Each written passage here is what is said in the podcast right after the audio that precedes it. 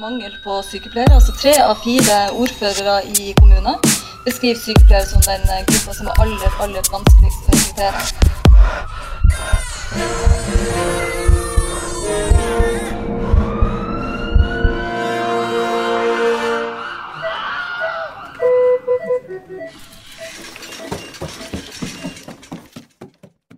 Velkommen til en ny episode av Hjelp, jeg er sykepleier. I dag har jeg med to intensivsykepleiere som jobber med Norges mest kritisk syke barn. Dette er sykepleiere fra barneintensiven på Rikshospitalet. Velkommen så mye, Tale og Regilén. Tusen takk. Takk. Ja, da er det den faste spalten hvor man skal fortelle litt om seg selv. Da. Hvem har lyst til å begynne? Jeg kan begynne. Ja, kjør! Ja, eh, det er Tale som snakker. Jeg eh, ble utdanna sykepleier i 2005. Etter at jeg hadde jobba som pleieassistent og syntes at det var fint å jobbe med folk, så tenkte jeg at sykepleiere kunne passe for meg. Det er også selvfølgelig ganske mye sykepleiere i familien min, så det er nå kanskje sånn Det ligger litt i blodet, Det si. ligger litt i blodet, kanskje. Så tok jeg sykepleien, og etter at jeg var ferdig, så jobba jeg på medisinsk sengepost. En infeksjonssengepost. Kjempespennende. Mye dårlige pasienter. Lærte veldig mye på kort tid. Og så fikk jeg eh, litt sånn sansen for det litt mer akutte etter hvert. Og fikk jobb på en medisinsk intensiv overvåkning Ah, for voksne? for voksne. Ja. Så skyter jeg inn et av de faste spørsmålene her. Hvorfor valgte du å bli sykepleier? Jeg, eh, ja, det var vel litt sånn fordi at det pass, jeg kjente at det passa for meg. Ja. Og fordi at eh, Jeg visste vel kanskje ikke helt hva annet jeg skulle finne på. Jeg syns liksom det passa, og så tenkte jeg at da gjør jeg mer av det. Ble Det du var jo gøy, oppfordret fra liksom. familiemedlemmer? Nei, egentlig ikke. Det var et veldig sånn selvstendig valg. Mm. Jeg var ferdig da jeg var 21 også, så jeg var veldig ung. Ah, rett fra videregående? Rett fra videregående. Hva ville du valgt å bli hvis du ikke skulle bli sykepleier? Eh, Hvis jeg ikke skulle bli sykepleier, og så ble jeg jo også intensivsykepleier etter hvert, da. Eh, Hvis jeg ikke skulle vært det, så tror jeg kanskje jeg ville vært eh, gartner eller bryllupsfotograf.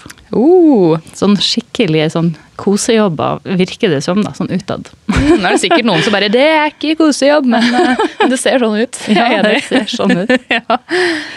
Hva er ditt beste tips for å koble av fra jobb slash studier? Nei, det eh, må være vel Kanskje å trene? Ja, Ja. Gå tur i skog og mark. Være sammen med folk du er glad i. Det er gode tips, det. Men hvordan endte du opp eh, på barneintensiven?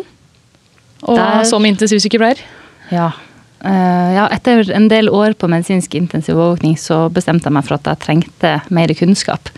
Og tok da videreutdanning i intensivsykepleie. Og så tok jeg også en sånn fag som eh, på ja, Hva heter det for noe? Veiledning. Eh, veiledning for intensivstudenter, da. Altså videreut, ja, det er en slags videreutdanning i veiledning som Apple viste meg. Og der traff jeg to veldig fascinerende mennesker som bare eh, veldig fascinerte meg, og som fortalte om at de jobba på barneintensiv, og hvor fantastisk det var. Og da var jeg solgt. Og da var det opp på bucketlist. Det må jeg gjøre én gang i livet. Og det var nå. Det var nå jeg torde. Så da tok jeg sjansen. Så gjorde jeg det. Det var your time. Ja, jeg tror det. Ja. Hvor lenge har du vært på barneintensiven nå, da? I tre år. Tre år, ja. Så ganske fersk, egentlig. Hei, Reglen! Hallo. Da kan du eh, fortelle litt om deg selv. Ja, jeg var, eh, ble ferdig utdanna sykepleier i 2012, så det er jo det tiende året mitt som sykepleier. Jubileum. Ja, Og så eh, begynte jeg på nevrorehabilitering på Ahus, og der jobbet jeg i to år før jeg bestemte meg for nå vil jeg jobbe med en annen pasientgruppe og barn. Og da begynte jeg på Rikshospitalet, på kirurgisk barnepost 1, eh, nevro det òg. Og det var veldig spennende, for der hadde de også intermediær, en litt høyere instans da. Eh, og så ville jeg være med etterpå på Ullevål og bygge opp intermediær der. Så der var jeg et halvt år. Eh, og under den tiden så var det et opplegg hvor man fikk undervisning én gang i uken. Og da var det intensivsykepleier som underviste. Så det var eh, veldig spennende. Mm. Var det her før du blei intensivsykepleier? Ja. Ja. Og når blei du det? Du, jeg ble intensivsykepleier for to år siden, kanskje. Tiden går så fort. Jeg gjør det. Men eh, jeg angrer ikke for at jeg tok det. Det er veldig spennende. I hvert fall det å jobbe med barn. Og så endte det opp med at jeg fikk bindingstid på barneintensiv. Eller BINT på Riksen. Og der har jeg nå jobbet i fire år Ja. totalt. Er du forbi bindingstiden? Ja. Ja, så du valgte å bli. ja, jeg har valgt å bli. Så bra. Mm. Men eh, i utgangspunktet, hvorfor valgte du å bli sykepleier? Eh, Det var vel familie, det er i familien, og eh, de oppfordret meg egentlig til å bli det. Jeg visste ikke hva jeg skulle bli, og så søkte jeg og kom inn, og så ble jeg sykepleier. Mm. Rett og slett. Men hvis du ikke skulle bli sykepleier, da, hva ville du blitt da? Da hadde jeg sikkert blitt noe kontorrotte, enten med IT eller et eller annet. Noe sånn kjedelig jobb, sikkert. Sorry, Philip. ok. Hva er ditt beste tips da for å koble av fra jobb eller studier? Du å være med venner og familie, trene, gjøre helt andre ting. Mm. Nei, men det, er, eh, det er klassiker, men det er gode tips, altså. Ok, skal vi bevege oss litt inn på denne arbeidsplassen deres, da? For dette er jo da Norges største Er det Norges største intensivavdeling for barn? Det er det. Ja. Vi har seks plasser. Skal utvide til syv. Det høres jo ikke så stort ut. Nei, det er ikke det, altså. Nei. Men det, eller det høres ikke så stort ut, men det, det er jo eh, landets største, da. Ja, men det er Mange ikke en steder, vanlig ja. sengepost, for å si det sånn. Nei. det er det ikke. Mm. Vi, har, vi er én til én, eh, og ofte to til én, og tidvis også tre til én. Altså tre sykepleiere på ett barn. Oi. Så det er ganske mye maskiner og mye som eh, er i sving da, rundt disse barna. Men eh, disse barna, mm, hvor gamle er de, og hvorfor er de der? De er jo, er jo fra 0 til 18 år. men Hovedandelen er jo eh, små barn, eh, tidlig skolealder. Eh, og de er jo veldig dårlige. Alt fra respirasjon og sirkulasjon og, og medfødte misdannelser. Mm, Mange av eh, våre barn kommer til oss fordi de har svikt i ett eller flere organer og trenger organstøttende behandling da, Mm. for å eh, klare sykdommen. Da. Så hvis de har en, et luftveisvirus som tar helt av, som gjør at de ikke får puste, så kanskje de trenger hjelp av en respirator, eller de har kanskje fått i seg en sopp som har vært giftig, og trenger Oi. å eh, rense blodet. At de har spist en sopp ute i skogen? Ja, for eksempel. Oi. Og så må de komme til oss, og så må de ha dialyse. Og rense blodet sitt. Eh, Og så har vi jo også store operasjoner. Barn som har eh, operert, kommer da ofte til oss etterpå hvis de trenger litt ekstra oppfølging i tida etterpå. Vi har barn som får nye organer. Nye lever og lunger og nye nyrer.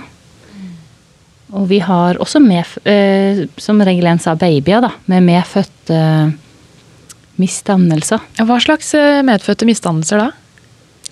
Det kan være alt fra kroppslige misdannelser, metabolske feil, genetiske Det er Man kan aldri lese seg opp til disse tingene, for det er så bredt, og du får så mye forskjellig. Det er alltid en diagnose man kan- aldri har hørt om, eller at det er bare én av fem barn i verden som har den. Mm. Ja, det finnes så mange syndromer. Ja. Hadde jeg ikke trodd før jeg begynte å jobbe der. Men av disse misdannelsene, jeg blir litt nysgjerrig, er det noe som går igjen? Noe som er litt mer vanlig enn andre misdannelser? Og er misdannelse alltid farlig? Ja, eh, eller nei. Eh, Det som går igjen, som vi har en del av, det er f.eks. gastroskise. Hvor du er født med tarmene på utsida av kroppen. Oi. Eller omfalosele, hvor du har tarmene i en pose, på en måte, på utsida av kroppen. Eller et diafragma hernie. Et hernie er jo et brokk, hvor da i, inni magen til mamma så har det gått hull på diafragma da, mellom gulvet, og så tyter på en måte disse tarmene da, og magesekken, og av og til til og med leveren, opp i der som lungene skal være. Da blir lungene veldig små og veldig underutvikla. Oi. Og når de barna er født, så trenger de ekstra støtte. Da Trenger de hjelp med pusten sin, og så må de opereres. Um, og Og så- de misdannelse kan jo ofte oppdages tidlig, at de vet om det på forhånd. Eh, Og da får man planlagt litt mer, da. At det blir Mm. planlagt eh, keisersnitt, og at vi vet at de kommer. Ja. Men så er det jo på andre lokalsykehus som kanskje ikke har sett dette før. Og da må barnet eh, til oss, da. Det her er interessant, for jeg tror ikke så mange har hørt om disse her mer alvorlige type misdannelsene. Jeg tror nok mange har hørt om noen type leppeganespalte, da, men de kommer ikke til dere, regner jeg med. Nei, um, det er vel De kommer på postoperativt, men er det andre tilleggsting, så kommer de gjerne på oppvåkning. Men eh, det De har er en postoperativt. liten og- hjertefeil i tillegg, kanskje. Ja. Så kommer de kanskje til oss på oppvåkning. Ikke sant. Ehm, er det bare Ø-hjelp som kommer til dere akutt, eller er det planlagte, eller er det begge deler? Eh, Det er begge deler. Både planlagte og Ø-hjelp. At de som trenger øyeblikkelig hjelp, de kommer til oss. Og de kommer både regionalt, og så kommer de også nasjonalt. Som f.eks. en som har spist sopp i skogen. Det Ja, er for Ø-hjelp. eksempel. Eh, Ja. For eksempel. Ikke ja. sant? Eller drukning eller andre ting. Hjertestans, hjerneblødning. Mm. Hjerneblødning hos barn, ja. Hvordan oppstår det? Det kan Eh, være medfødt uh, Sånn- skjøre kar i hodet. Sånn eh, aneurismer, for eksempel. Ting som ikke oppdages før man leter spesifikt etter dem. Mm. Og ja, og så ja. Det er heldigvis sjeldent. Takk og lov for det. Men dersom skaden inntrer, hvordan behandling får de da? Da vil man prøve å evakuere det blodet, da. Så da er det jo inn på en operasjonsstue. Og så kanskje de kommer til oss etterpå med en ICP-måler, en må trykkmåler i hodet som viser hva slags trykk som er inne i hodet. Og kanskje en EVD, en eh, Ekstern ventrikkeldrenasje. Takk, det gleder jeg meg. Jeg kom ikke på ordet. Da drenerer du CSF-væske da gjennom en eh, Altså cerebrospinalvæske? Ja. Ja. For å, for å hjelpe til på det trykket, da, sånn at ikke trykket i hodet skal bli så stort. Hva, hva skjer egentlig hvis det trykket i hodet blir for stort? Altså Hjernen er jo, ligger jo inni en eh, Blir den lukka hjernen boks. skvist? Ja, Oi. for eh, kraniet er jo på en måte som en boks som ikke kan utvide seg etter at eh, disse for, eh, eh, lappene i hodet har vokst sammen tidlig i barnelivet. Å, Det må gjøre utrolig vondt hvis man ikke får letta på det trykket, Ja. vil jeg tro.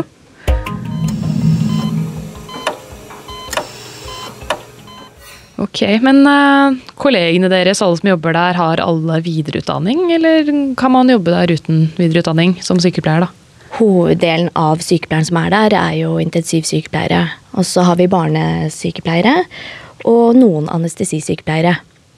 Men nå så har vi jo startet med trainee, da. Så de er jo på en måte der for å lære. Ja. Og eventuelt gå videre, men eh, videreutdanning i intensiv. Ok, men dere har både trainee-sykepleiere, altså de som er som meg, da, sykepleiere uten videreutdanning, som kommer og lærer mye, da. Og så har dere de som tar videreutdanning. Har jeg forstått det riktig? Mm, Ja. Var dere, hadde dere utdanningsstilling der? ja, jeg hadde det. Mm. Du tok det på forhånd, Tale? Ja, jeg eh, hadde min eh, bindingstid på Lovisenberg eh, sykehus på medisinsk intensiv overvåkning med voksne der, så jeg fikk eh, mye voksenkompetanse da når jeg var der. Men jeg visste at det, det var barn som lå for meg, og det jeg hadde lyst til å jobbe med, så jeg eh, søkte meg etter bindingstida mi til barneintensiv. Så er det sikkert mange som lurer å, hvordan eh, opplæring hadde jeg fått hvis jeg hadde begynt. Så det- Altså, la oss si en sykepleier som meg, da. Vanlig sykepleier uten videreutdanning, kommer i trainee-program. Hvor lenge får man opplæring på en måte, før man begynner å jobbe selvstendig? Du får et halvt års opplæring. Du har en kontaktsykepleier som du følger et halvt år. Så det er veldig Så har Eh. man, ja, ikke sant? Så, så, jeg synes det var superbra. Jeg hadde et halvt års opplæring enda jeg var ferdig intensivsykepleier, og det var så bra. Men da hadde jeg eh, li- en slags sånn oppstartssamtale, nesten som man har i praksis. Um, Og så følger man eh, et trainee eh, med oppfølgingssamtaler Mm-hmm. for å se hvordan det går, og hvordan man ligger an. Om man ønsker mer opplæring, eller hvordan ja, hva slags unger man trenger me- å lære mer om, eller, og så legge dem til rette for at du får den eh, eh, av de pasientene som du på en måte trenger å ha, da, for å for å nå målene dine om å, å være sjølgående. Høres veldig bra ut, da. Ja, det er viktig å få mestringsfølelse når man faktisk er fersk og ny på en avdeling. Ja. Ja, virkelig å føle seg godt ivaretatt, da. Ja, ikke sant? Altså, jeg bare tenker, eh, hvis man føler seg trygg på en arbe- arbeidsplass, så er det jo lettere å lære nye ting òg. Ja. Det har aldri vært vanskelig å spørre om noen ting. Det, er- det har aldri vært liksom dumme spørsmål. Da. For meg som ikke har jobba med barn før, så var jo det her en helt annen verden. Eh, Så jeg har alltid følt at jeg kunne spørre om alt. Det er veldig sånn trygt, trygt og fint arbeidsmiljø. Det syns jeg. Og så eh, er det så utrolig stor spredning i alderen på de som er der også. Det er fra, fra de helt unge som regel igjen, og til de som straks skal gå av med pensjon. Som har vært der siden Rikshospitalet ikke lå på Rikshospitalet, liksom. Hvor men lå er de- det før? Det var ikke nede Ved i Oslo, da? Frydenlund. Ja. Ja, ved Frydenlund. Gamle Riks. Nede i sentrum? Ja. Ah, er det der det lå? I see. Men eh, dere snakka om det er forskjellig alder på de som jobber der. Hvor gamle er dere? Hvis jeg kan spørre? 31. Og 38. Ja, ja, ja. Ok, dere ville snakke litt om transplantasjon. Eller jeg vil i hvert fall gjerne høre dere snakke om transplantasjon. Det er vel mer riktig å, å si det. Ja. Og det er fint at det går an. Tenk deg det. Mm. At man kan bytte ut et organ. Man kan gå fra å være syk og eh, trenge helsevesenet sine tjenester med dialyse og masse medisiner og være sjaber i formen, til å få et nytt organ og kunne leve et, eh, et f- f- helt fullverdig liv. Åh, Jeg får helt grøsninger. Jeg syns det er så fantastisk. at Og det, går er an. det. Tenk at vi får være med på det, liksom. Ja, og det er jo helt rått. bare på Rikshospitalet man gjør transplantasjoner. Mm. Mhm. Så vi tar vare på barn. Eh, ah, nå glemte jeg det. Ja. Så, eh, ja, vi tar vare på barn i forbindelse med levertransplantasjoner og nyre. Og Hva det- slags sykdommer har de, da? Hvis de trenger ny, ny lever, f.eks.? Ja. Den vanligste årsaken er jo da medfødte misdannelser i galleveiene, og så er det stoffskiftesykdommer, da. Mm. Og av og til en sjelden gang så er det også forgiftninger. Oi, en såpass ille forgiftning at, at det ikke kan reverseres, på en måte? Ja, Oi. at hele leveren svikter. Da Hva er det man blir forgifta av da? Paracet. Jern. Paracet? Oi. Jerntabletter er jo kjempeskummelt. Oi. Det visste jeg ikke. Jeg vet bare at man blir hard i magen av det. ja, ikke sant? For mye jern er ikke bra. Altså, nei, så er det vel noen som har en sånn sykdom som man ikke skal ha noe særlig Heter ikke det hematomokrose eller noe sånt? Har dere hatt noen av de? Og det er akkurat det som er med å jobbe på barneintensiv, at du blir ikke nødvendigvis sånn kjempegod på spesifikke sykdommer. Da. Så akkurat her må, det må, hadde jeg hatt en unge som kom inn med det, så måtte jeg lest meg opp. Ikke sant? For det, akkurat det, det har jeg ikke i repertoaret mitt akkurat nå. Nei, Det er ikke en veldig vanlig sykdom. Jeg bare husker Da jeg var lærling som helsefagarbeider, så hadde jeg en veileder på sykehuset som hadde det. Så hun måtte holde seg unna alt av jern. Hun kunne ikke steke maten sin i jernpanne engang. Mm. Er Å det ja, sant? Å såpass. gud, det hørtes sært ut. Oi. Ja, det Men det er vi jo Det har vi jo mye av. Mye sært. Ja. Hva er det rareste dere har dødd? Hvis dere kan si det, da, uten å liksom bryte noe taushetsplikt. Åh, rareste. Eller mest spesielle, da. Ja, nei, når alt er spesielt, så blir det jo så rart, sant? Ikke sant? Men eh, jeg sy- jeg syns jo det var veldig rart når jeg eh, begynte på barneintensiv og, og så at eh, barn ble født med organene sine på utsida av kroppen. tenk det, er, det var en liten sånn Oi, det var rart. Mm. Og så kan man rett og slett bare reponere det, som det heter. Putte det inn igjen, og så sy igjen. Men Får dere sett dem eh, før operasjonen? Altså, har dere sett disse barna med organet på utsiden? Ja, Ja. Oi. De blir liggende hos oss Mm. litt. Av og til så eh, får man faktisk lov til å være med. På operasjon? Mm. Og, ja. Og ta imot, og, eller som tilskuer, da, for å se hvordan de gjør det. Og så blir du med bare inn på avdelingen tilbake til barneintensiv, da, ikke sant. Så har man jo Mm. sett det. Og det hender av og til at når de er født med, med disse organene på utsida, så har de jo hatt dem på utsida, ikke sant, inni magen. Så da er Mm. mageskinnet ganske stramt. Og egentlig ikke helt, det er ikke plass til organene inni magen. Så da kan det hende at de må ligge med organene i en såkalt silo. Altså en slags plast, steril plastpose som man syr fast litt i huden. Oi, wow. Og så blir det hengende opp i en bøyle. Det her høres veldig rart ut. Det er nesten- Jeg ser for meg sånn åpen buk gjennom en plastpose oppi. Ja, det er Eh, fukt, det er blir pakket jo inn på en fuktig måte og en åpen sterilt, duk, da. og så Fy henger det søren. opp. Og så strammer det litt for hver dag. Da dytter man litt, organene for hver dag strammer man litt, sånn at eh, når operasjonsdagen kommer, at de klarer å lukke helt igjen. Mm, Ja, det er da det har sykeste liksom jeg har hørt. mageskinnet Ja. utvida seg nok. Mm. Wow, Ja, hva det er som er rart. på Rikshospitalet. Altså, det er en egen liten verden der oppe. Ja. Ja, det vil jeg si. ja.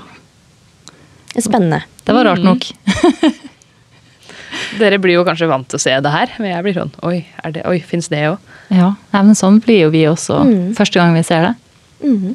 Og vi blir vel aldri slutta å bli forundra heller. For det er jo Det blir stadig noe nytt. noe nytt, ja. Å To i lære å verden, se og- fem i Europa, tre i Norge. Ikke sant? Det er ikke en kjedelig arbeidsplass, da, går det vel an å si. Overhodet ikke. Absolutt ikke. Det, man kjeder seg ikke når Nei. man jobber der. Og det er jo fint da, for de som liker eh, variasjon i arbeidet sitt. Mm.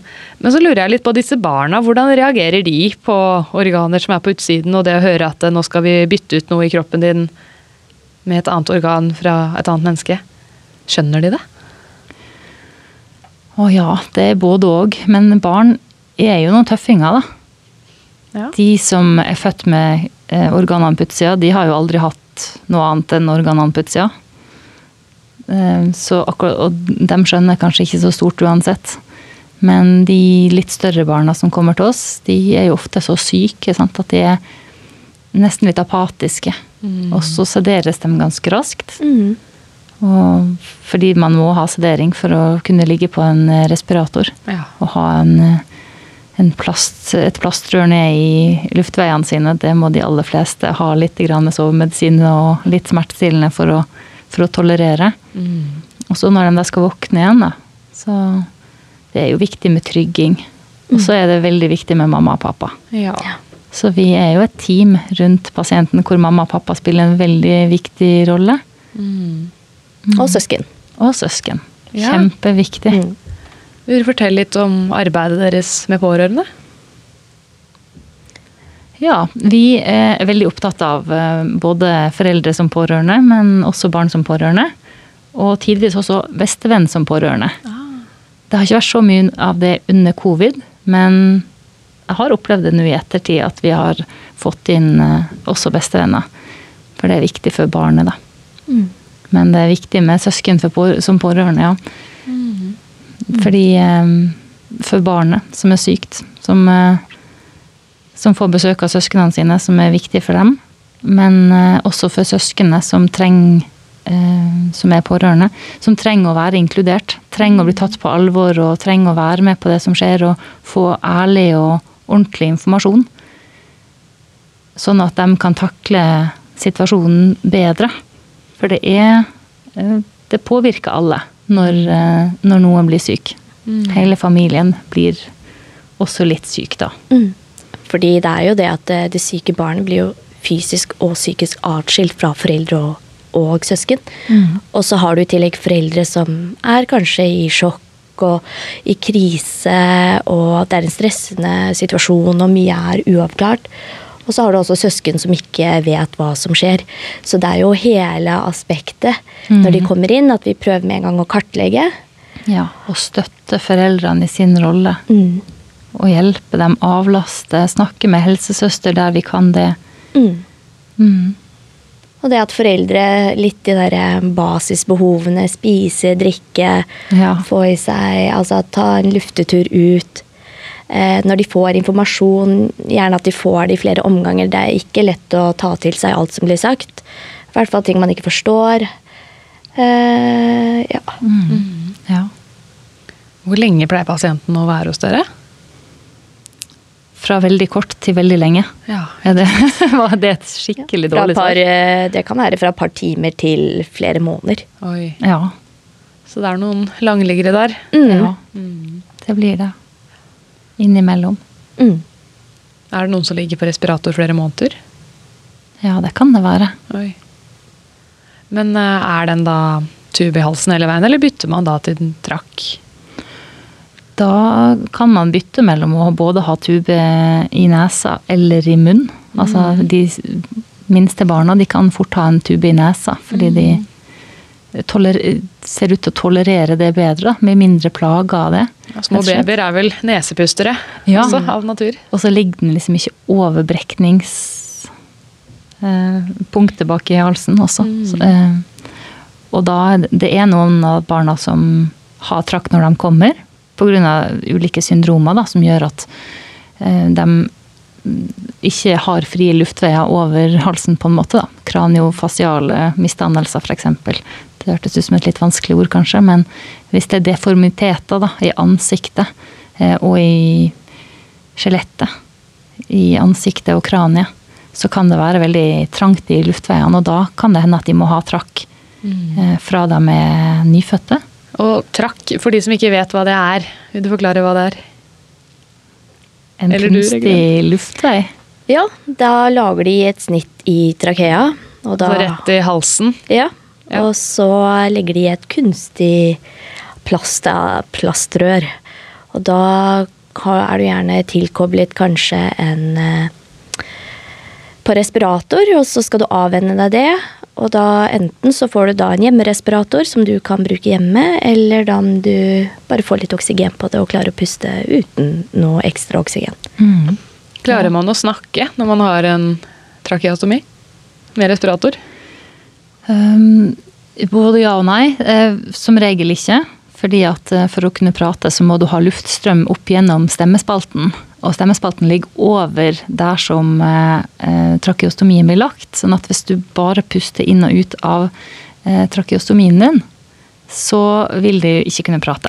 Men så finnes det en måte å få stemme på likevel. Fordi noen eh, trakeostomier har en sånn egen kanal eh, som man kan sette luft på for å få luft forbi stemmebåndene, og da klarer man å s- få fram enkelte ord, da. Mm, og det er utprøvd på voksne, på voksne pasienter. Tror det er Det er et studie. Above cuff air localization. vo- vocalization. Vocal, ja. Vocalization. Ja. Jeg tror det blir brukt en del på voksenintensiv. Mm. Er det de som får sånn robotstemme når de snakker? Ja, den er litt rusten, men ikke så robot. Jeg, kanskje du tenker på de som har sånn her eh, har hatt kreft, vet du, og så I har de en sånn, strupen, her, ja, sånn maskin.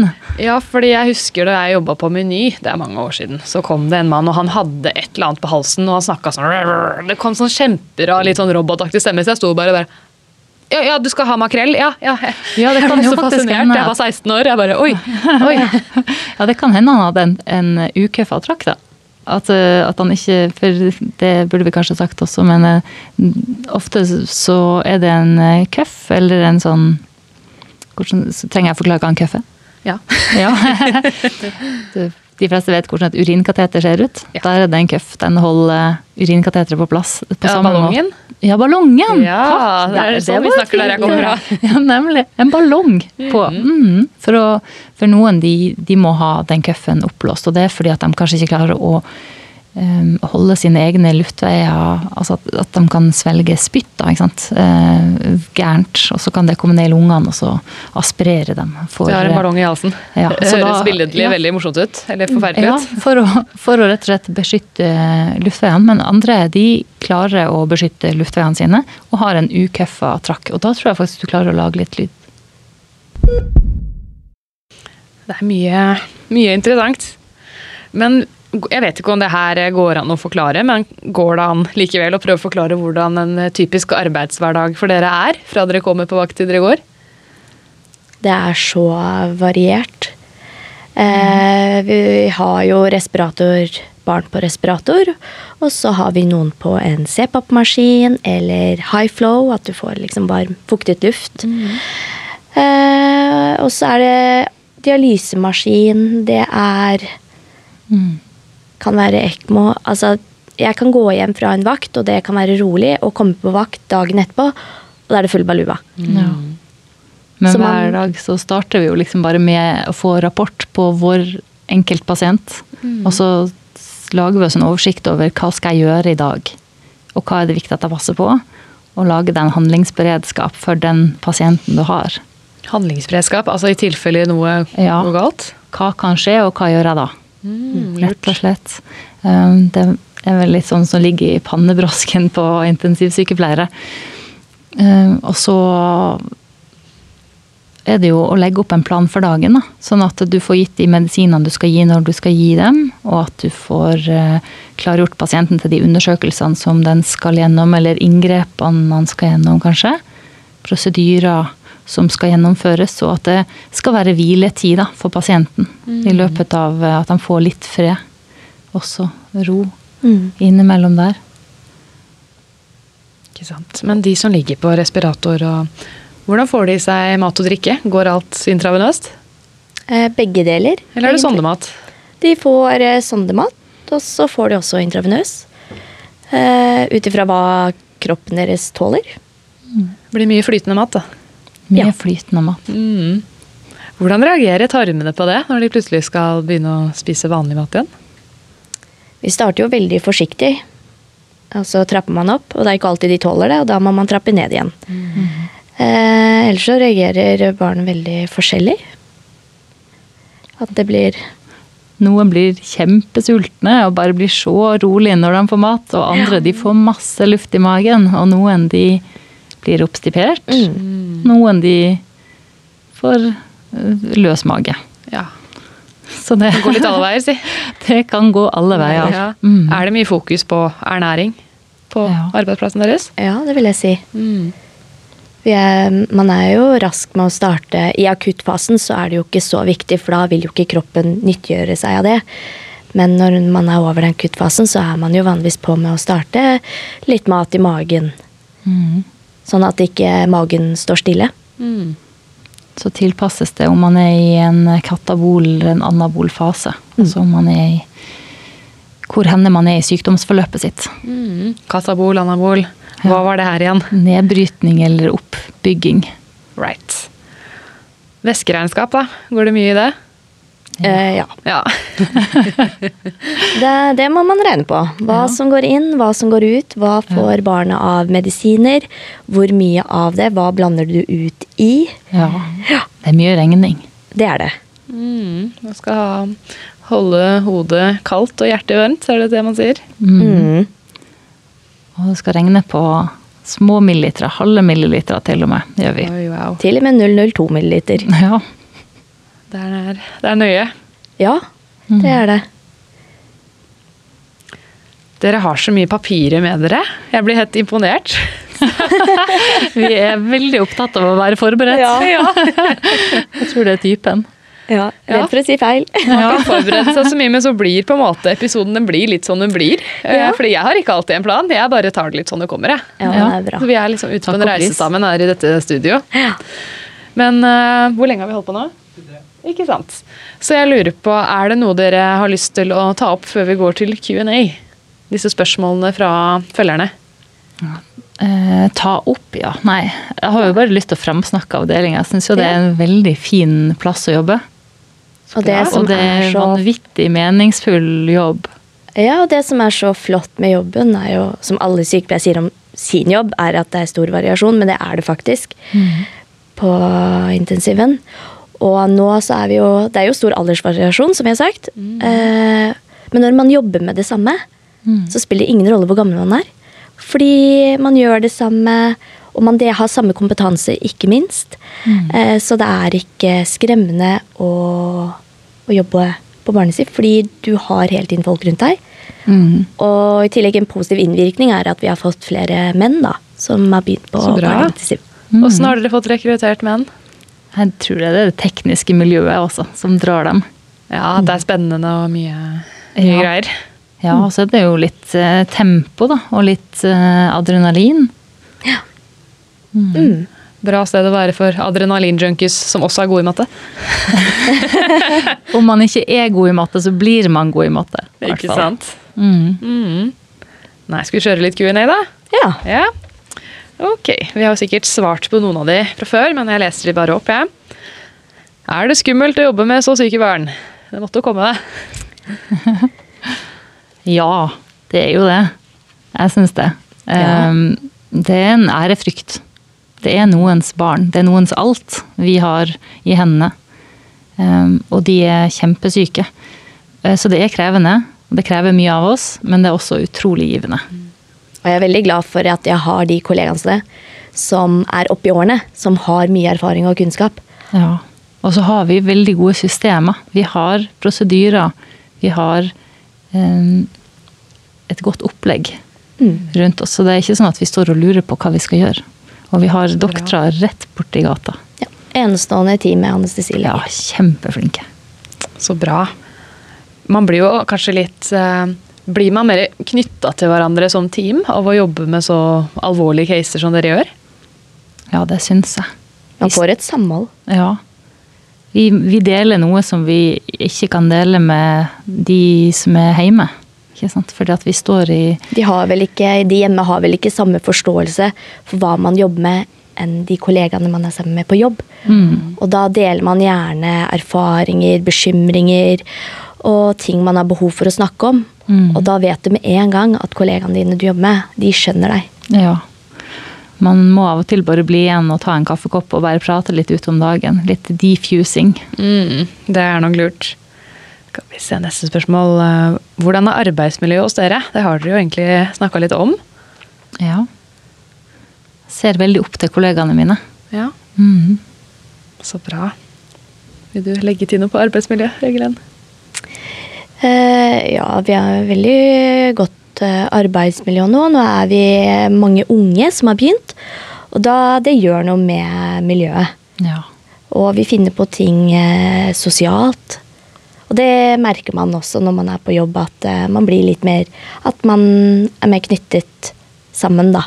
Utenom Hjelper jobb. det at korona er ferdig, eller? Åh, jeg skulle Veldig. akkurat til å si.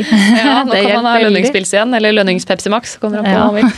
Mm. Ja. Så bra. Skal vi se. Hvor sover foreldrene til pasientene deres, og hvor lenge pleier pasientene å være innlagt? Det siste der er jo vanskelig å svare på, men eh, hvor sover disse foreldrene, da? Ja, det er ofte på et foreldreovernattingshus som vi har. Um, så hvor de får eget rom. Det er som et hotellrom, da. Mm. Er det s- overnattingssted? Er det langt unna barneintensiven? Det er jo i samme hus, men Rikshospitalet er et veldig stort hus. Mm. Så noen syns nå kanskje det at det er litt langt unna. Um, og i få tilfeller så Eller kanskje ikke i få tilfeller heller, egentlig, men i, i enkelte tilfeller så lager vi også plass til eh, foreldre oppi senga sammen med barna. Inne på stua? Er det gardiner mellom hver seng, eller hvordan ser det ut der inne? Du kommer inn på eh, et rom, og så er det tre senger. Og så er det atskilt med gardiner, ja. Det er fellesrommet, og så er det et atskilt rom, da. Hvor eh, Så Det er to rom med tre senger med gardiner mellom? Ja. Og så har du et lite rom inni det rommet. Mm. Og så er det to sånne rom, og så er det ett isolat. Mm. Ja, ikke sant. Det er greit å få litt sånn bilde på hvordan det ser ut der. Mm. Eh, Har dere noe um, personalrom i i det Ja. hele tatt? Ja, dere har Det det. er et veldig fint og nyoppussa personalrom med utsikt utover gårdsplassen, så det er Ah. veldig fint. Mm, Det er jo fint i området ved Rikshospitalet der. Det er jo nærme skogen og Ja. ja. Og det er veldig fint for eh, pårørende at de kan ta seg en tur i, mark, altså, i skogen. Og ta seg en luftetur. Ja, Tur det opp til oppfordrer vi Vettakollen til. Mm. eller Sånn? Sognsvann. Sognsvann, ja. Ja, det oppfordrer vi til. Mm. Å lufte hodet sitt. Og det som er fint med foreldreovernatting også, at du kan få et s- eh, større rom. At du kan ha søsken der òg. Et familierom. Og da har de jo kjøleskapsrommet, tror jeg, så har de kjøkken og, og vaskemaskin som felles vaskemaskin hvis man er der i en lengre periode. Ja. For det er jo ikke alltid man rekker å pakke med seg klær i huet og hast. Og, ja. Sant. Ok, skal vi se. Hvordan reagerer pasientene og pårørende på alt det medisinske utstyret som er rundt de til enhver tid? Det er jo veldig forskjellig. Noen eh, av våre barn de har vært hos oss mange ganger før. Fordi de har en alvorlig underliggende sykdom. Og da er foreldrene ganske godt sånn forberedt da, på hva de kan se. Men for de som ikke har vært hos oss før, så tar vi oss tida til å prate med de som kommer, før de går inn til barnet, for å forklare dem litt hva de vil møte. Fordi det er et veldig teknisk og veldig fremmed miljø, og spesielt barn som pårørende bruker vi litt tid på å informere før de går inn på rommet. For Det kan jo kanskje være ganske skremmende for de som ikke er vant til sykehusmiljø, at det er masse slanger og kabler og ting som piper og plinger og blinker og Ja, ikke sant? Og det er mye lyd ja. innpå, dessverre. Så det er individuelt tilpassa i forhold til om de er små barn, større barn, ungdommer. Mm. For de har jo alle barn 0 til 16 har jo rettigheter, de også. Så vi gjør så godt vi kan og forklarer med enkle ord og gir konkret informasjon. Og det viktigste av alt er at man forteller sannheten, da. Ja. Ja. Selv om sannheten kan være brutal. Mm. Det er bedre å være ærlig. Ja. For det er det verste vi kan gjøre, er å ikke si det som det er. Ja. Og barnet reagerer jo også veldig forskjellig. Noen blir sint, og noen blir lei seg. Og det er viktig å si at eh, det er lov å gråte, og det er lov å vise følelser. eh, At det er lov å være lei seg. Mm. Så bra. Ok, nå kommer det litt sånn tøft spørsmål, men det er noe som noen lurer på. Hvordan er det å jobbe med barn som dør? Det, For det skjer jo, regner jeg med. det noen skjer. ganger. Mm. Ja. Det er krevende. Mm, det er veldig trist. Eh, men samtidig så må man jo være der og støtte foreldre der de er. Eh, og hvis man ikke ble påvirket av det, så da er det noe galt med en. For det, det er veldig naturlig å bli lei seg sjøl. Mm. Eh, Ja, og det Det her med håp, holdt jeg på å si. Altså, når, når alt håp er ute, så er det jo mye håp igjen. ikke sant? Man kan eh, håpe på at, de, at man får en fin avslutning, at de ikke har vondt. Man kan eh, legge godt til rette, da, sånn at eh, At det blir eh, en fin avslutning. Mm, det er viktig, det også. Så de foreldrene de får kanskje mulighet til å snakke med sykehusprest hvis de vil det, eller psykolog. Har dere, Ja, Mm. noe- psykolog og sosionom og prest og har dere noen sånn sorggrupper for foreldre og pårørende? OUS har det. Ja.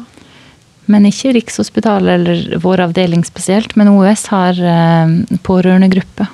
Mhm. Og da Vi snakker ofte med helsesøstre eller helse, helsesykepleier til barna som, barn som er pårørende, da. Mm. Ja, så bra. Og, og de hjelper ofte barna inn i sorggruppe og, eller fastlege. Mm. Mm. ja, for det har det jo stått mye om i media de siste barn som pårørende. Ja. Og når et barn dør på intensiv, så får de gjerne oppfølging fra oss på intensiv. Eh, Tre-fire uker etterpå så ring, pleier vi å ringe tilbake. Ringe dem og bare høre hvordan det går og snakke litt sammen. Og så inviterer man gjerne til et møte eh, noen måneder etterpå. For å få en avslutning, da. Bare høre hvordan de har det. Og da er det leger og sykepleiere. Og Mm. Ofte et skal team barn rundt det. eh, obdu- eh, obduseres. Og da, kjem, da legger man den, man den samtalen, da. Den etterlatt-samtalen til etter det tidspunktet, da. Til etter barnet er obdusert.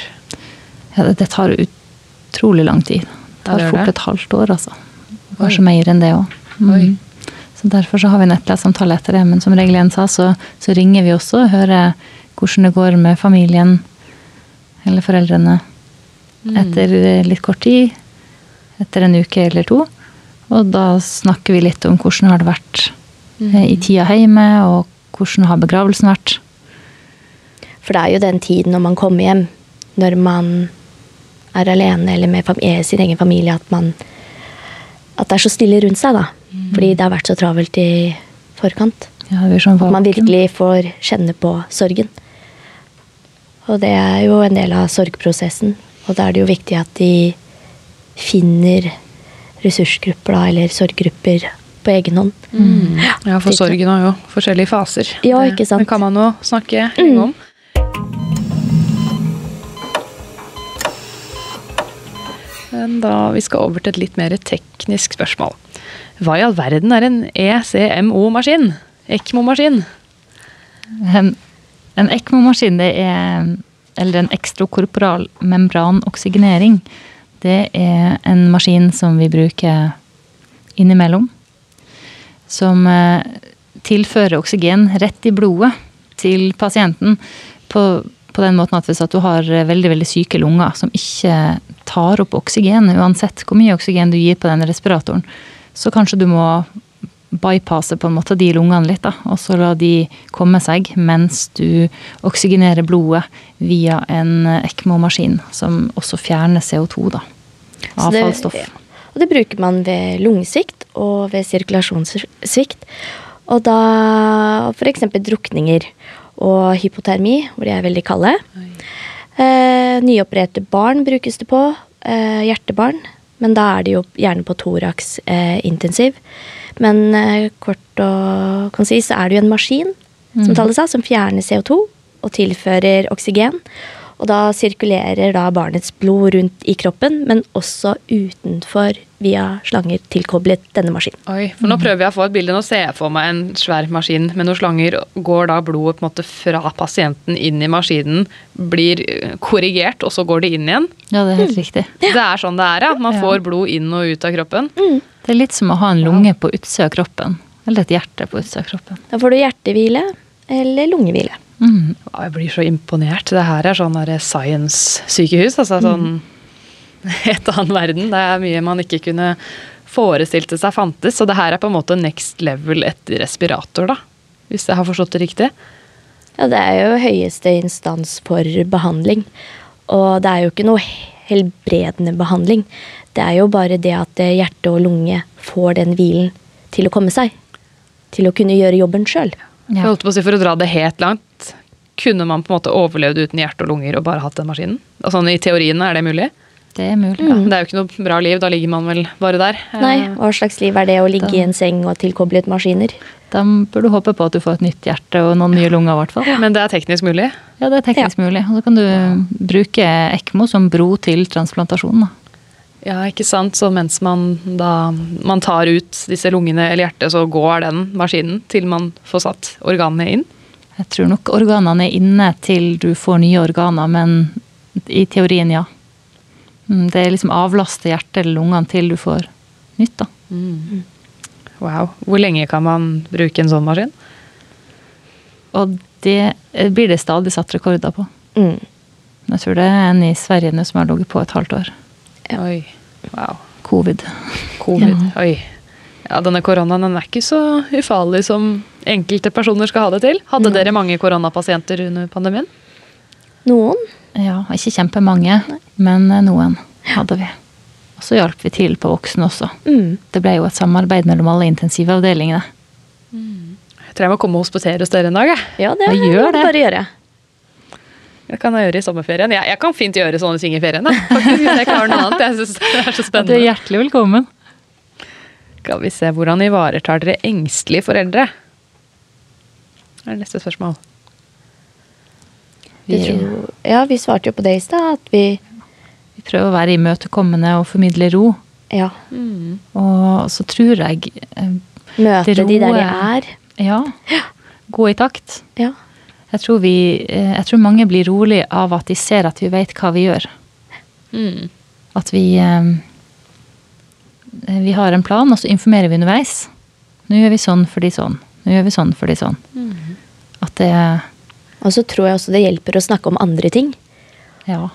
enn eh, barn som ligger der og alt utstyr. At man snakker om triviale ting som man normalt ellers ville snakket om. Mm. Og ser kult. barnet bak sykdommen. Det er også viktig. Mm.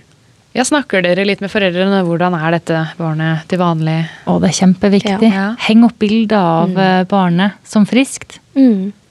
Ja, Så Altså, det ikke blir så hospitalisert, for det barnet er jo mye mer enn den pasienten som ligger der med masse slanger og greier på Ja, kroppen. absolutt. Når de ikke er våken, så ser de jo Et sovende barn ser jo helt annerledes ut enn et eh, som er våkent og in action. Vi prøver å bli kjent med barnet.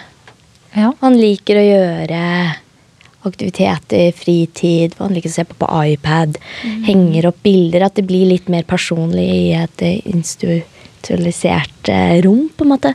Mm. ja, vi prøver å gjøre det koselig så godt det går.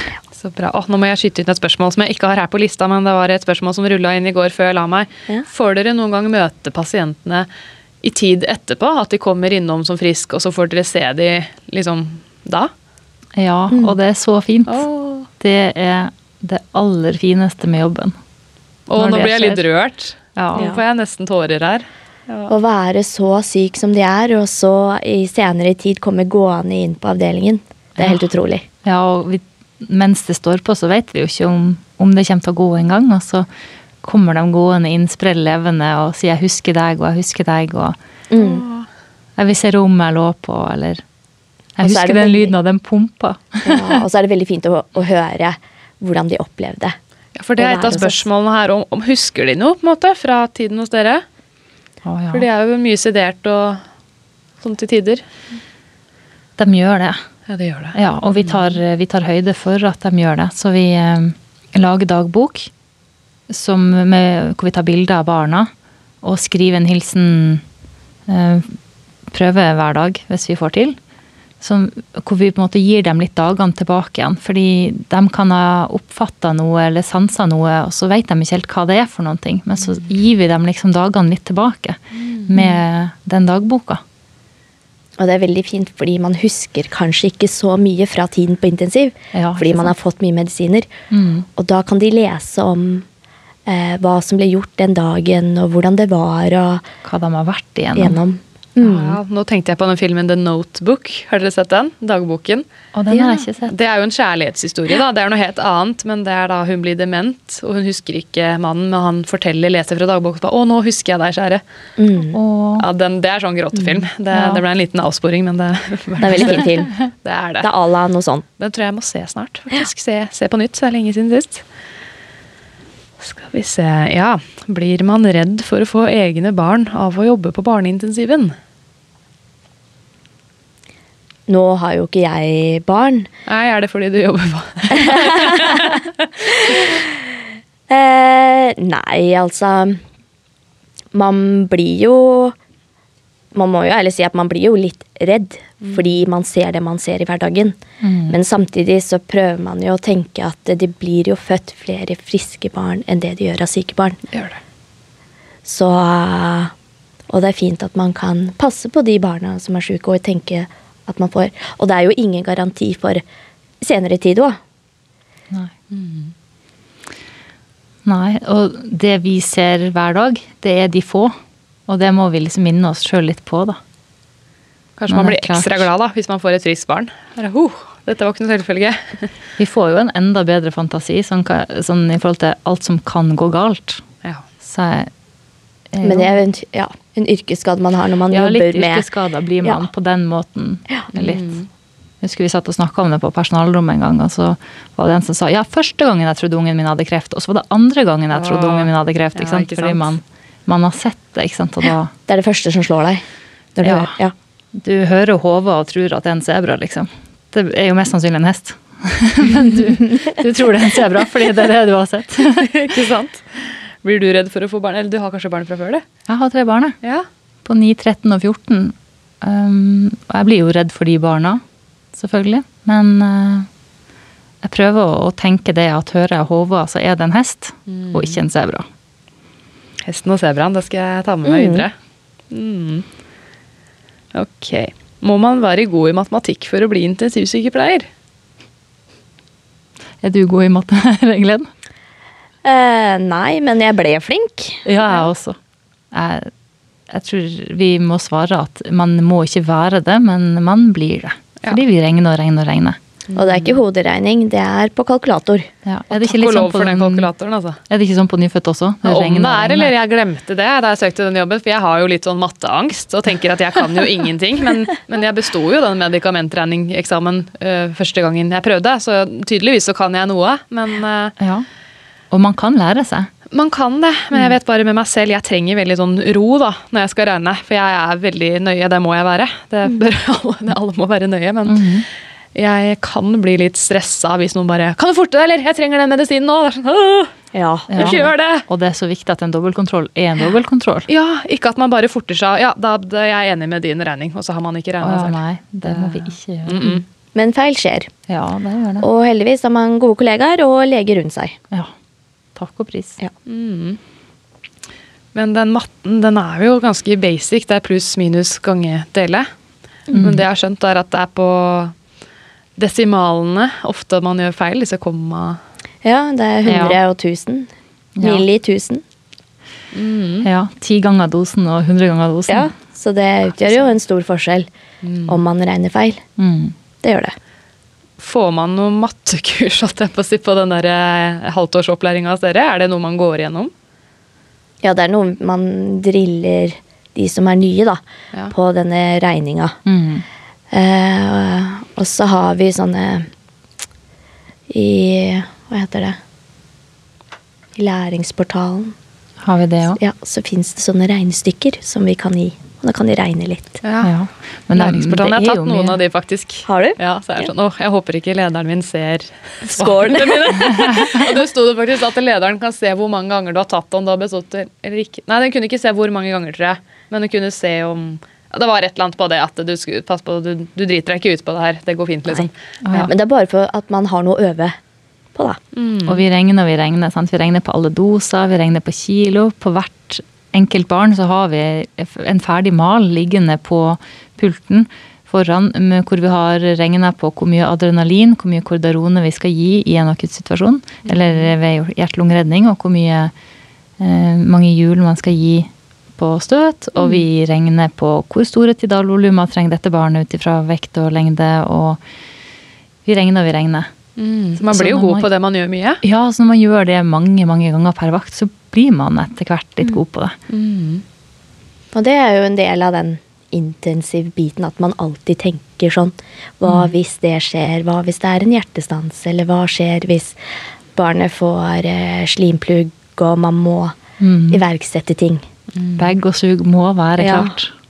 Ja, Det gjør jeg hver vakt. Sjekker sug og bag Ja. og MTU-innstillinger. Mm. Alarmer. Ja, alarmgrenser. Bling og blong-avdelinga, som jeg kaller det. Men ja, det der med matematikk, jeg tror nok det er det mange tenker på når de spør er det skummelt å jobbe med barn, for jeg tror mange er livredde for å gjøre feil på medisiner til barn, for det er så annerledes enn for voksne. For voksne er det ofte et Paracet, ett gram ganger fire, Mm. eller ampicillin, to gram, bland i 100 salt som vanlig til alle. Ja. Ikke alle, men det er i hvert fall veldig vanlig. Mens på barn så man regner jo etter per kilo kroppsvekt ofte. Ja, På ikke min sant. avdeling er det ikke alltid den veier en kilo engang. Nei, Så ikke sant? det er veldig små, men viktige doser. Mm. På voksne så det er én av den og én av den. Ikke sant? En ampulle av den eller et hetteglass av den. Mens Ja, hos og oss den dråpetakten, ja, det er cirka sånn. Mens på oss er det, eh, eh, her er det pumpe. Og milliliter eh, hele per stua hour. på fire barn kan dele på én Nexium-ampulle, liksom. Ja. Ok, skal vi se. Det var mattespørsmålet. Eh, Hvor var jeg nå? Å, ja, der skal vi se. Um, har alle som jobber på barneintensiven videreutdanning? Det har dere svart på. Er det mulig å jobbe hos dere uten videreutdanning? Det, ja, men da må man gjennom trainee først, eller? Må De være et ønsker jo slags løp. helst eh, ja, det, eller at de har relevant erfaring fra en intensiv eller overvåkningsenhet. Mhm. Man plukker ikke opp folk som akkurat har fått autorisasjonen sin. Nei, de kan få lov å hospitere. Ja, Og så kan de få lov å bli inspirert til å ha lyst til å jobbe hos oss, men eh, de trenger, jeg tror man trenger litt mer. Mm. Mm. Ja, vi får jo hospitanter fra høyskoler og ulike avdelinger. Eh, universiteter fra hele landet, egentlig. Mm. Ja, Eh, Så har dere vel studenter i praksis. Er det mm, studenter som tar videreutdanning, eller er det noen på bachelorutdanningen også som har praksis? Eh, hovedsakelig videreutdanning. Ja. Både intensiv og, og eh, barnesykepleie. Ja, og så er det noen også anestesi Mm. som skal ha sin kvote med kritisk syke barn. De har videreutdanning i barnekompetanse, tror jeg. eller- Ja. Eller For å få barnekompetanse. Ja, stemmer det. Anestesi. Mm. Og så har vi ikke sagt det, da, men eh, vi har jo før covid i hvert fall hatt et sånt eh, opplegg hvor vi har utveksla med der som du har vært. I Afrika. Eh, Ja, men det var i forbindelse med studiene. Ja. Men vi har et samarbeid med et sykehus i Malawi. Ja. Hvor man kan dra og jobbe eh, tre måneder eller halvt år, da. Mm. Er det det OS Global Helse-prosjektet? For vi også har noe sånt med nyfødteintensiven i India, Mm. nemlig. Eh, ja, jeg tror det er noe i samme I samme duren. Ja, i samme duren, men jeg vet ikke hvilken Ja. Mm. Så vi bytter leger og sykepleiere med dem, da. For å bygge opp kompetansen der. Så kommer de til oss, og så får vi til dem. Spennende. Det er jo interessant Kommer- å se åssen det er i utlandet òg. ja, det kommer sikkert i gang igjen nå snart, ettersom nå har vi- har vi ikke restriksjoner heller. Jeg vet ikke om dere sa det, men har dere vært i Malawi? Eh, Regel 1 har. Ja, du har. Mm. Nei, jeg har ikke vært på meg. Jeg var sikker på at du var i Malawi. Du, nei, det var, Akutt. kutt, kutt. nei, det var bare i Lovisenberg. De hadde utveksling til Du er På Sør-Afrika. utveksling i Ja, Lovisenberg, det er et så jeg- annet land. Ja, det er et annet land. Sør-Afrika. Å, Guri, det var det. ja. Herregud, jeg var sikker på at du var i Malawi. Nei. Så Det så så likt ut på bildene. Herregud. Det er fortsatt Afrika, da. Hvor, hvor i Afrika var du? Da var vi i Pretoria, et sykehus der, i to uker. Og så ja, hovedsakelig. Sorry. Jeg var sikker på at du hadde vært i Malawi. Jeg, bare, jeg er der du har vært. Det var regel 1. Ja. Nei. Skal vi se igjen et spørsmål som vi har vært litt inne på egentlig. Når bruker man ECMO, og hvorfor ikke respirator? Og hvis lungene ikke fungerer, kan man bli helt frisk igjen? Man kan det. Ja. Mhm. Og barn har jo så stort rehabiliteringspotensial. Så bra. Og ECMO i stedet for respirator, det var hvis lungene var skikkelig slitne? Var det ikke det dere var? Ja. At de ikke tåler respirator? Å Mhm. Ja, eller de, de har gjerne respirator samtidig, altså. Som står og ja, de kan pumper få luft i, i double up. lungene, men eh, man, men man kommer ikke i mål med det alene. Så man må ha den ECMO-en i tillegg. Så det er jo ECMO som styrer behandlingen, da. Ja. Mm. Kommer det barn fra hele Norge til dere? Det gjør det. Ja. Vil de fly inn med helikopter, da? ja. Fly og helikopter.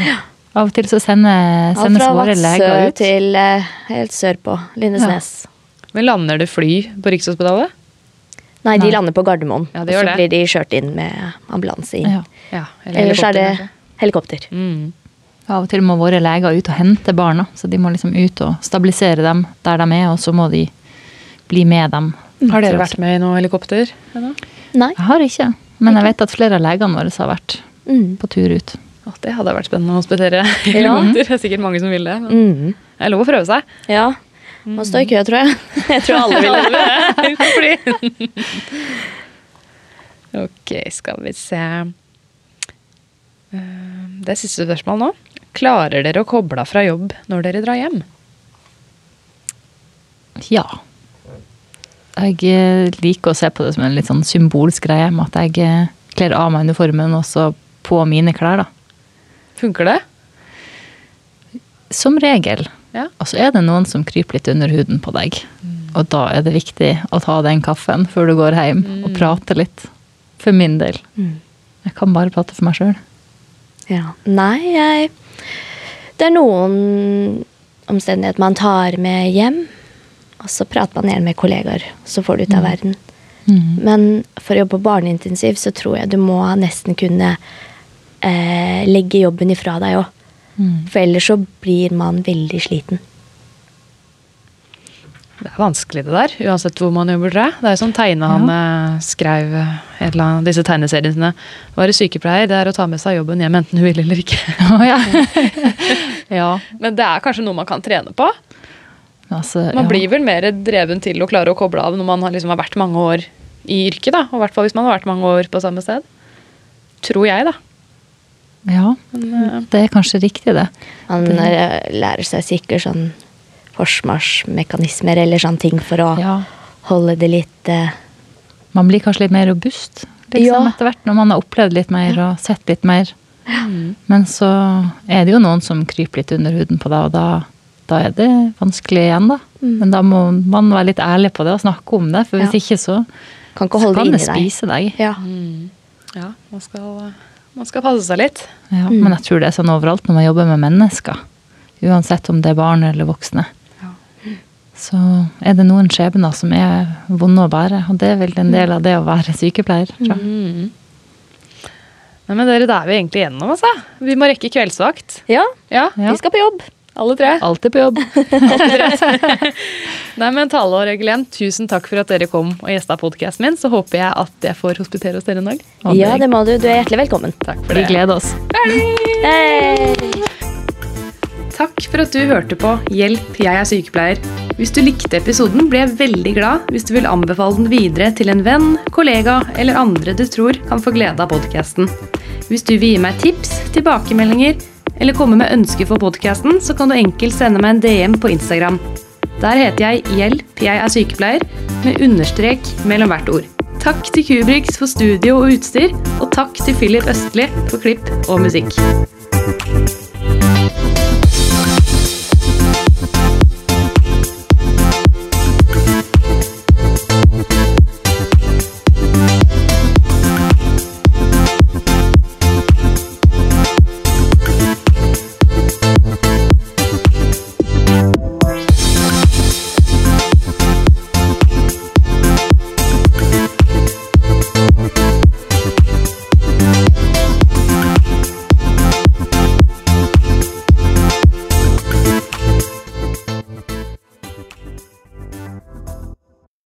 Har du et enkeltpersonforetak eller en liten bedrift? Da er du sikkert lei av å høre meg snakke om hvor enkelt det er med kvitteringer og bilag i fiken, så vi eh, gir oss her, vi. Fordi vi liker enkelt. Fiken superenkelt regnskap.